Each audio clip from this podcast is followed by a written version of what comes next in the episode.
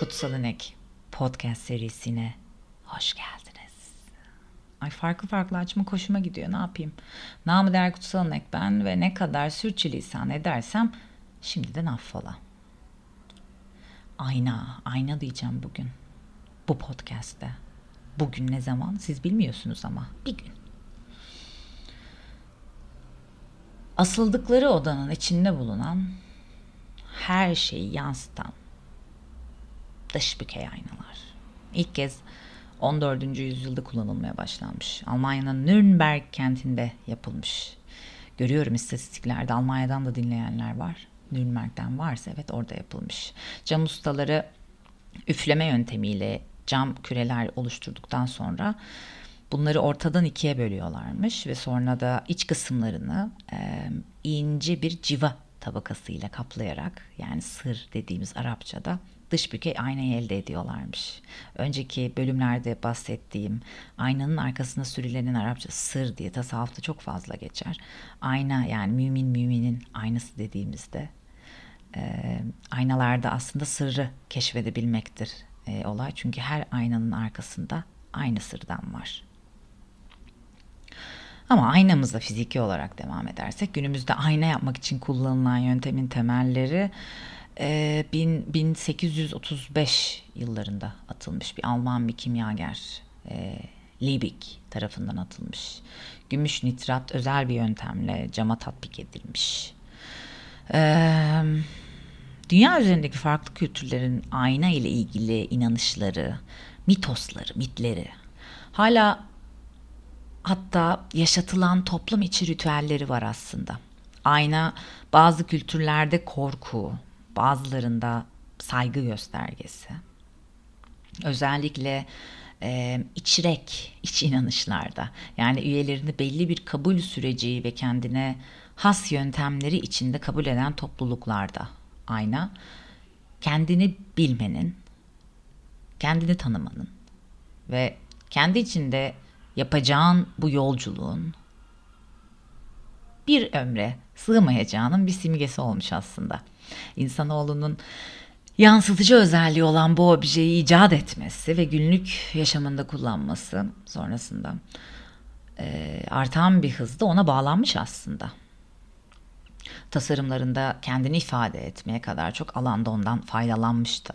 Özellikle biraz daha geriye gidecek olursak tek tanrılı dinler öncesinde ayna çok yerde kutsal ve uğurlu sayılmış bu arada. Ayna kırılması hem Şam'da, Şamanlarda e, hem Roma'da hem Anadolu'da, Anadolu topraklarında uğursuzluk olarak görülmüş. Bunu hep duymuşuzdur. Hani bir şey kırılır, cam kırılır, bir şey olur, bardak düşer, e, nazar çıktı falan deriz aslında. Aynayı da aslında uğursuzluk bir nazar olarak e, görmüşler. İnsanoğlunun yansıtıcı özelliği olan bu objeyi icat etmesi ve günlük yaşamında kullanmasında veya ondan sonrasında e, birçok şey değişmiş aslında. Şimdi baktığınızda aynadan yola çıkarak birçok şey söyleyebiliriz maneviyat hakkında ama aynadan yola çıkarak işte anoreksiya, bulimia, yemek bozukluğu konusuna da geçebiliriz. Aynaların da esiri olmuşuz aslında bir yerde. Anadolu'da hem de Asya'nın Balkanlar özellikle Balkanların bazı bölgelerinde e, inanışlar e, görülebiliyor. Özellikle ayna kırıldığında 7 yıl sürecek olan bir olumsuzluklar silsilesi yaşanabilir diye bir inanışlar işte o Anadolu, Asya, Balkanlar tarafında olan bir inançmış hala. Ve e, milattan önce 500 yıllarda falan Çin'de bir inanışa göre e, şeytanın sadece aynada görülebileceği öngörülmüş. Hatta bir film vardı Blood Mary, Blood Mary, Blood Mary üç kere söylediğinde aynada beliriyordu. Belki bu oradan alınmış olabilir. Biliyorsunuz filmlerde özellikle senaryolarda metaforlar, semboller çok önemli şeyler aslında. E, genelde Türkiye'de yapılan işleri nacizane kendim olarak e, kaliteli bulmama sebeplerinden bir tanesidir. Çünkü e, maalesef e, araştırma yapmayı bilmiyorlar. Belki de farkındalığı olmayan insanlar. Ama aynanın ilk kullanımı e, yansıtıcı, yansıtıcı bir özelliği olan işte su, taşlar, e, tunç, volkanik e, doğal cam, işte kemik mesela parlatıldığında, bakır, e, bronz, altın, gümüş, e, teneke, bıçak, fil dişi, çeşitli yağlar hani üzerine. Yüzeylerin iyice zımparalanması ve parlatılmasıyla elde edilen aynaların yapımı ve kullanımı binlerce yıl öncesine dayanıyor aslında. Binlerce yıl öncesinde başlamış ve uzunca bir süre yaygın olarak kullanılmış. Tarih öncesinde genellikle dış bükey diye bahsettiğim kullanılan el aynalarının arka yüzlerine desenler oyulurmuş mesela. Vardır el aynaları hatırlar mısınız? Eskiden bende vardı. Geçenlerde bir tane aradım ama bulamadım. Böyle küçük arkasında böyle çiçek desenleri oyulmuş olanlar. Ve kendine bakan yüzlerin zenginliğinin dışa vurumu olmuş aslında bu.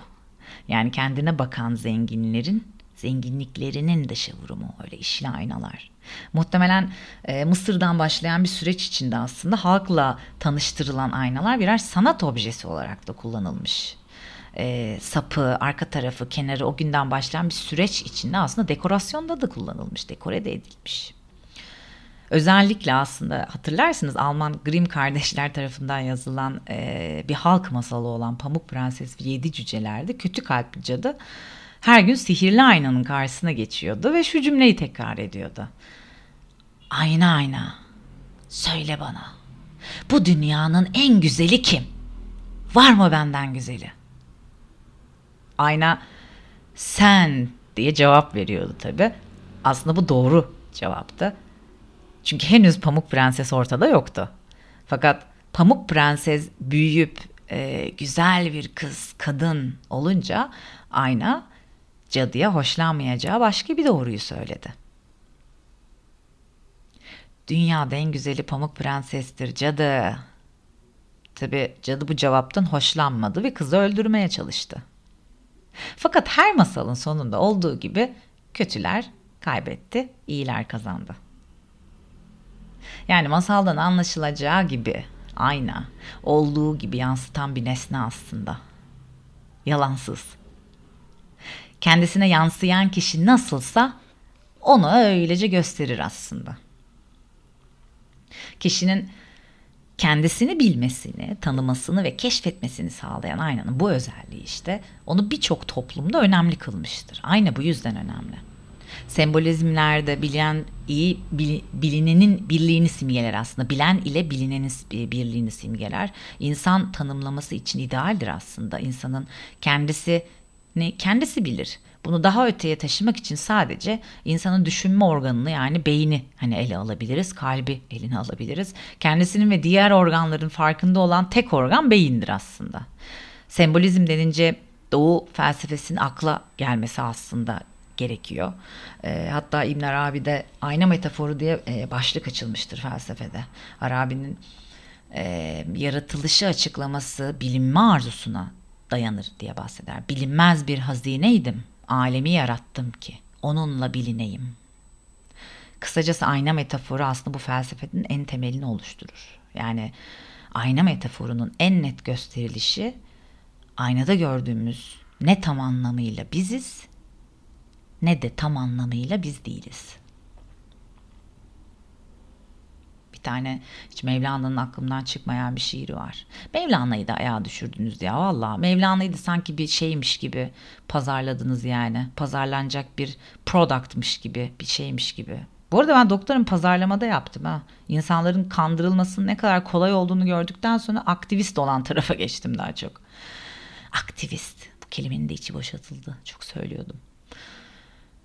İnsanlar kendilerini görmek ister. O yüzden Mevlana da Beri Gel şiirinden bir alıntı aslında yapabiliriz Mevlana'dan. Beri gel daha beri, daha beri. Bu yol vuruculuk nereye dek böyle? Bu hır gür, bu savaş nereye dek? Sen bensin işte, ben senim işte.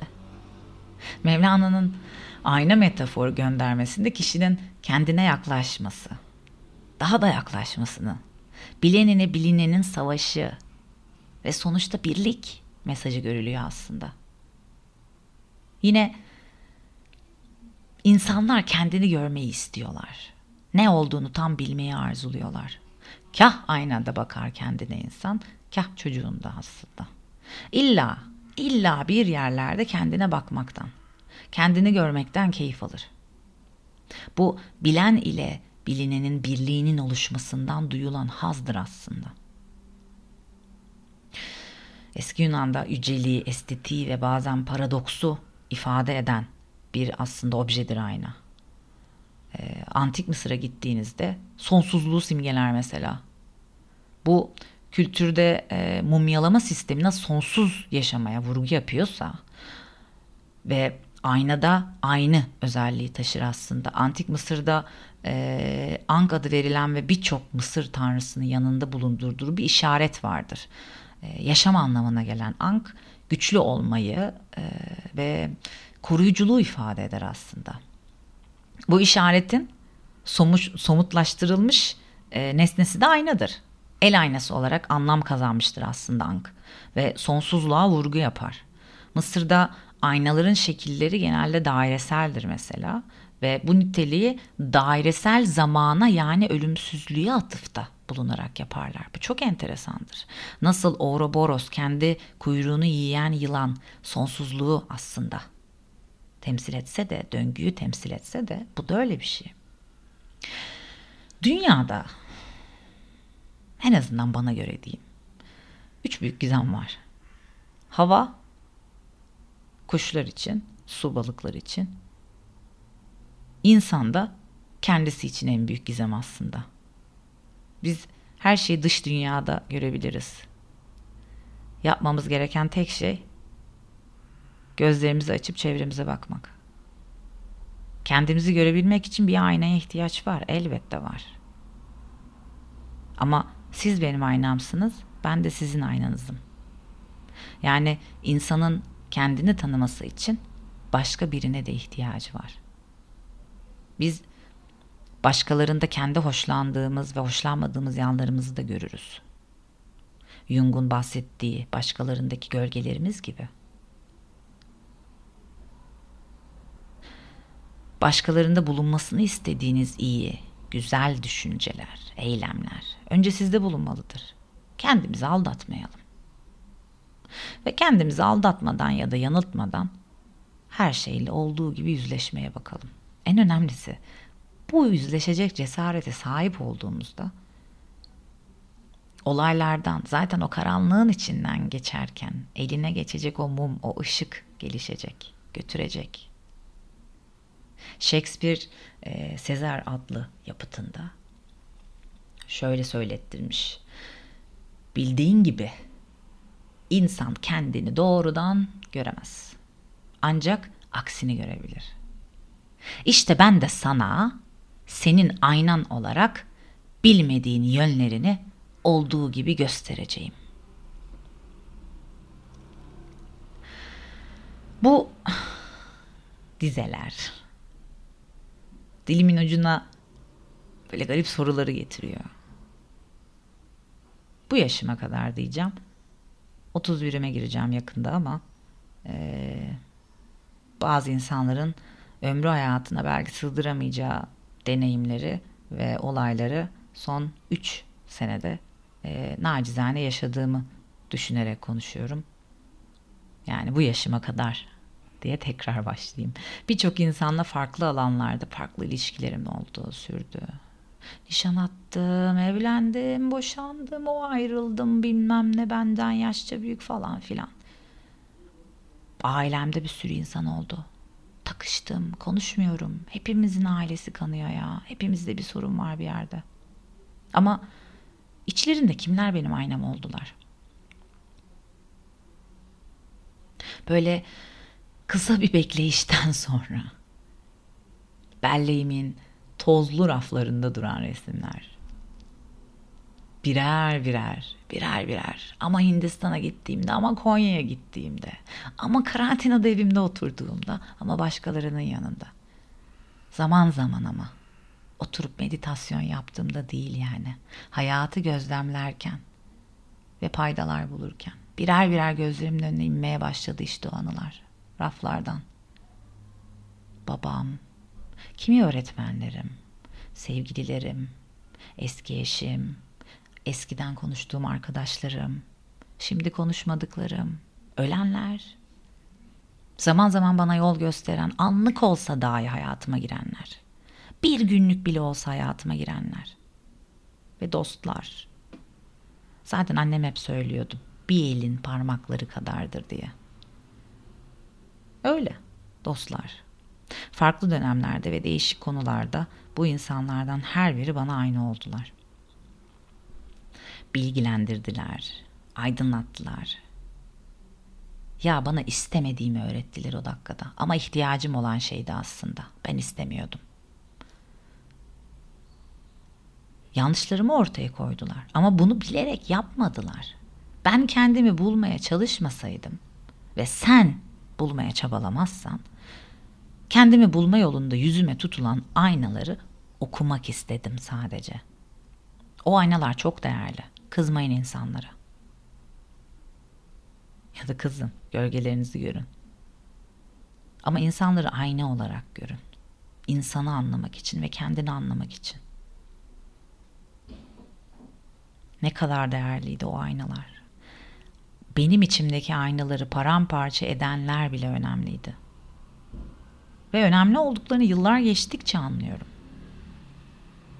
Yaşadığımız çevre koşulları, eğitimimiz, inançlarımız, yaptıklarımız, kalben cahillik seviyelerimiz.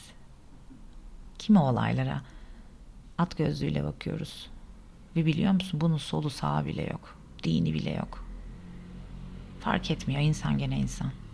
Bakış açılarımızı değiştirmek, ön yargılarımızı kırmak o denli güç ki. Onu o sahte pozitiflikle yapamayız arkadaşlar. Acıtsa da. Çünkü hayat acı. Yüzümüzü ayna tutan insanları bu işlevleri nedeniyle daha çok önemseyin ve değerlendirin. O yüzden bu bölümün sonundaki dileğim hepinizin kendi aynalarını bulması. Aynaları okumaya çalışın. Öpüyorum.